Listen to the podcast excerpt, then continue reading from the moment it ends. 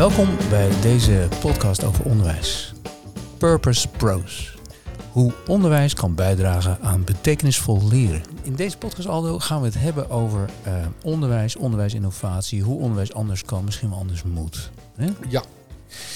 En wij doen dat omdat wij denken dat we daar iets over te vertellen hebben, maar niet alleen wij. Wij gaan een heleboel gasten uitnodigen. Maar wij hebben daar een soort, wij hebben daar iets mee. Wat ook alweer? Wat, waarom, waarom doen wij dit?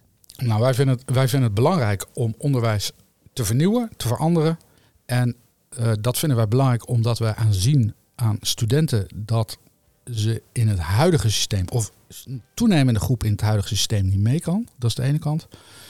Aan de andere kant zien we dat er in de maatschappij heel veel verandert en de hele maatschappij onder druk staat. En we nou ja, in crisisachtige omstandigheden komen en de grote vraag hebben: hoe gaan we onderwijs zo maken dat we daar mensen op voorbereiden? Ja, uh, misschien wel even de nuancering: niet voor iedereen is alle onderwijs slecht, zeker niet. Hè? Nee, dus zeker niet. Zeggen, zeker onderwijs is slecht. Nee, nee, maar we zien wel dat voor een bepaalde groep, en misschien jij zegt een groeiende groep, hè, dat, dat, dat dat het huidige onderwijs niet altijd werkt. En daarvoor zouden ook alternatieven moeten komen. En, daar, en nou ja, daar gaan we het over hebben. Ja, eh, en kijk, de urgentie buiten is groot en de urgentie bij jonge mensen is wat mij betreft ook groot. Hè? Dus alle hens aan dek.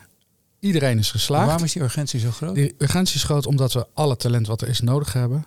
Om uh, de grote uitdagingen die er zijn ook met elkaar uh, ja, om daar een goede draai aan te kunnen. Het zijn er nogal wat. Het is er een aantal, maar het, het, zijn ook hele grote uitdagingen. We hebben het over klimaat. We hebben klimaat, het over biodiversiteit, sociaal. Wonen, sociaal. Uh, vluchtelingen. Ja, Weet je, het is een wereld. Uh, mensen spreken over polycrisis. Nou, we, we gaan geen depri-podcast maken. We gaan mensen aan het woord laten die in die, in die krioelende, drukke, moeilijke, complexe wereld van verandering een hoopvolle boodschap hebben en alvast begonnen zijn op weg naar uh, een volhoudbare wereld, een inclusieve wereld, uh, een wereld die werkt voor iedereen en niet alleen voor bepaalde groepen. En, in die zin kan dat dan inspirerend zijn voor iedereen die hier naar wil luisteren. Want uh, dat zijn mensen die al iets doen, die, iets, die daarmee bezig zijn. En of die al iets neergezet hebben of daar plannen mee hebben. Want we, de, omdat we ook met studenten bezig zijn die die, die hebben iets opgepakt of die hebben een idee of een ambitie of een motief om aan de slag te gaan. En dat, het verhaal daarachter, daarvan denken we, ja, dat is zo waardevol en zo boeiend. Daar kan iedereen nog geïnspireerd raken. Ja, dus, dus voor, voor, mij, dat, dat is voor mij een belangrijke uh, startpunt voor deze podcast, maar überhaupt voor mijn werk, is dat alle mensen, jong, oud, maakt niet uit, alle mensen hebben een bijdrage te leveren. Alle mensen komen niet toevallig op deze wereld. En de zoektocht is voor die mensen, waar kan dat voor die mensen, waar kunnen die mensen tot bloei komen en waar kunnen ze bijdragen aan het grote geheel? Nou, dat is natuurlijk een hele grote ambitie, maar die kunnen wij vanuit onze onderwijs- en innovatiehub in het klein ja, gewoon. Ja, want waar, uh, wij, wij zijn collega's in de Saxion Onderwijs Innovatie Hub. Dat is een, relatief, of eigenlijk een hele kleine eenheid eh, binnen uh, Saxion. Saxion is een hoger onderwijsinstelling in Nederland, hè, toch redelijk groot. maar, maar, die Onderwijs Innovatie Hub is een hub van, is, is een groepje mensen dat op zoek is naar vernieuwing en daar ook vorm aan geeft door te doen. Dus wij leren door te doen. Dat zijn experimenten die wij doen in de, uh, in de, in de verandering, verbetering, uh, vernieuwing van onderwijs. Ja, dus, dus als je het vergelijkt met andere, uh, bijvoorbeeld met de industrie, research and development kijkt altijd vooruit. Hè? Dus, dus de auto-industrie is nu ook al bezig met de auto die er over tien jaar moet zijn. Als het überhaupt nog een auto is. Hè? Dus, maar dat doen wij in onderwijs ook. Ja, en je, en je zou kunnen zeggen, ja, zo een, een, een organisatie die, uh, die, die, eigenlijk uh, een, groot bereik heeft, een grote organisatie, moet ook af en toe wat, ja, wat vernieuwende geluiden of vernieuwende uh, krachten organiseren in zijn eigen gelederen. Nou zeker. Kijk, kijk wij zijn als HBO-instelling in het oosten van het land hebben een hele prominente plek. dus wij leveren mensen die in al die bedrijven, in al die instellingen gaan werken. Als wij met elkaar willen dat die samenleving anders wordt, dan heb je daar als onderwijsinstelling, denk ik, een uh, uh, initiërende of op zijn minst aanwakkerende rol in. Hè? Dus wat wij jonge mensen bijbrengen, dat gaat natuurlijk een grote plek innemen in die wereld. Nou, er is veel aan de hand, ook hier in het oosten van het land. En ja, het is ook, het is ook echt letterlijk een zoektocht hoe kunnen wij nou zorgen dat we die jonge mensen tot bloei brengen aan de ene kant en aan de andere kant de regio dan wel nog wat groter in Nederland? Of hoe, hoe kunnen we zorgen dat, dat die mensen een plek hebben in een wereld die ook volhoudbaar is. Die, Ja. die het gewoon goed doet. En zijn er andere dingen nodig? Hè? Dus leren is ook zoeken. En zoeken hoort bij leren, denk ik. Eh, misschien nog even dit. Hè? Wij zitten hier nu. Waarom wij? Eh, heel kort iets van jouw achtergrond. Hoe ben, hoe ben jij zo eh, hier terechtgekomen eigenlijk? Ja, heel, heel, heel in het kort is, eh, ik zou nu zeggen, mijn eigen zingevingszoektocht geweest. Ik ben lang werkzaam geweest in, het bedrijfsleven, eh, bij grote bedrijven. Ik ben zelfstandig geworden en heb op een gegeven moment geconstateerd, ik wil werken met jonge mensen. Ik miste zelf houvast op een gegeven moment in mijn loopbaan. Eh, ben die pas op latere leeftijd in mezelf gaan zoeken. En heb ja, op een goed moment gedacht, weet je wat ik echt wil? Eh, en dat was echt, echt, een, echt een moment van inzicht, een spear in de chest moment. Ik wil werken met jonge mensen om ze te helpen houvast in zichzelf te vinden. Ja. En dat ben ik een jaar of zeven, acht geleden gaan doen. Ja, en eh, hoe bevalt dat?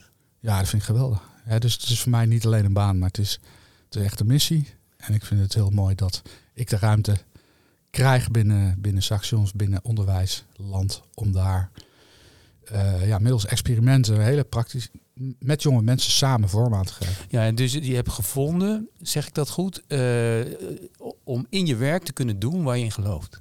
Absoluut. Hè? En, en die ervaring is ook voor mij een drijfveer om dan ook. Hè, ik gun dat jonge mensen ook. Ik weet hoe het voelt als ik geen. Toen ik geen connectie meer had met wat ik deed in mijn leven qua werk. Toen ging het niet zo goed met mij. En dat zie ik op dit moment om mij heen. Bij collega's, bij jonge mensen. Dat zie ik overal in de maatschappij. En dan kom je op de kern van mijn werk. Is om mensen te helpen om daar wel verbinding mee te hebben. dat is mooi, hè? dat het komt vanuit een eigen ervaring. Dus zit daar niet ook het risico in dat je wat gaat projecteren? Ongetwijfeld, maar daar hebben we dan jou weer voor. Misschien kan je iets vertellen over, over, over jouw achtergrond. Maar dames en heren, u merkt het al, deze man kan kritische vragen stellen. nou ja, nee, dus dat is wel de bedoeling. Dat, dat wij eh, een beetje op elkaar inhaken en misschien een beetje stoken. Dat is natuurlijk wel nodig eh, ook. En ook kritisch blijven op elkaars eh, opvatting, opmerking. Ja, even, even kort jouw verhaal. Want ja, nou kort, hoe, hoe ben jij hier eh, gekomen? nou, kort eh, dat moet ook kort. eh, ik, ben, eh, al, ik werk al 30 jaar lang het onderwijs, hoger onderwijs. Dat is echt heel lang. Eh, ik heb dus ook een aantal van die golven en dingen voorbij zien komen. Allerlei bestuurlijke veranderingen, allerlei onderwijsvernieuwingen, waar ik ook altijd eh, bij betrokken was. Want die onderwijsvernieuwingen, die interesseren mij ook altijd, hebben me, hebben me ook altijd geïnteresseerd. En ik wil ook graag aan helpen vormgeven. En dat was in het begin vooral wat, eh, ja, wat intuïtief haast. Maar je zegt vernieuwen om het vernieuwen. Om het vernieuwen of, Nee. of, Nee, omdat ik altijd eh, denk, nee, dat kan anders. Het kan beter. En ik heb Ja. daar ook ideeën over. En die ideeën wil ik vormgeven. Eh, en ik heb er ook in geleerd. Hè. In het verleden eh, moest het op mijn manier. Eh, dat, dat, nou ja, dat is wel gewenst wat mij betreft. Maar ik heb ook geleerd. Ja. En ook door allerlei ervaringen. Ik heb ook tien jaar lang in een lectoraat gezeten binnen Saxion. Dat was ook een hele leerzame eh, periode. Omdat ik daar ook geleerd heb. Ja, maar je moet dat wel samen. En hoe doe je dat dan samen? En ook daar heb ik geleerd, hoe kun je ook samenwerkingen interdisciplinair vorm helpen geven. waarom is dat nodig? Nou, dat is nodig omdat in deze wereld je het nooit in je eentje kan en ook niet als discipline alleen. Je hebt echt elkaar nodig en vind elkaar maar eens. Vanuit die verschillende perspectieven.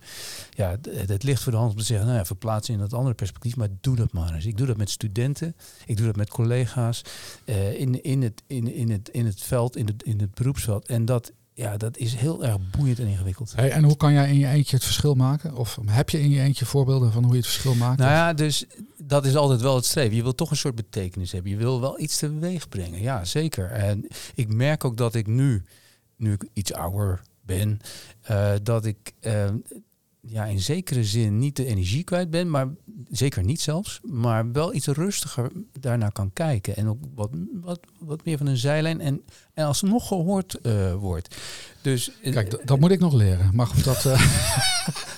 Nee, maar dus vroeger ging ik trekken en hoe harder ik trok, hoe minder het ging eigenlijk. En, Ja. en dat, die neiging zit erin. Ik weet dat van mezelf, maar ik heb geleerd dat moet je niet doen.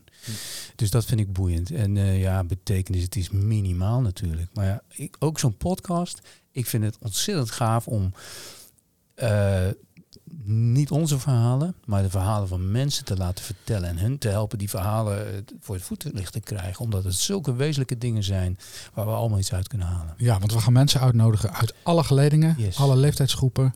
Geslaagd al. Ze zijn allemaal geslaagd, Ja. maar ook met de lampjes in de ogen zichtbaar.